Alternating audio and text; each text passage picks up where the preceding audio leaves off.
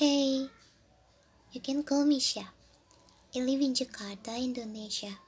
I was working at market research agency and I'm working from home because of COVID-19.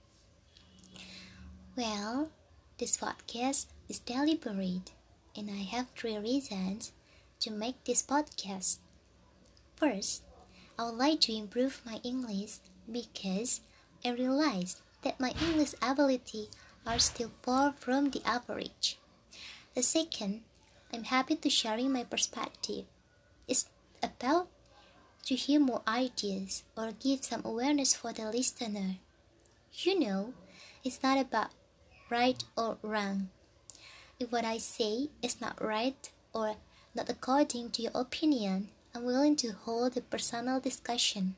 The last one of my reason is I want to spend my day during the quarantine because honestly I'm trying to find what can I do to spend my day besides cleaning the house, scrolling social media, or even working.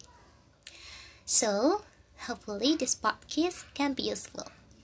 Don't forget to spread your knowledge. Have a good day.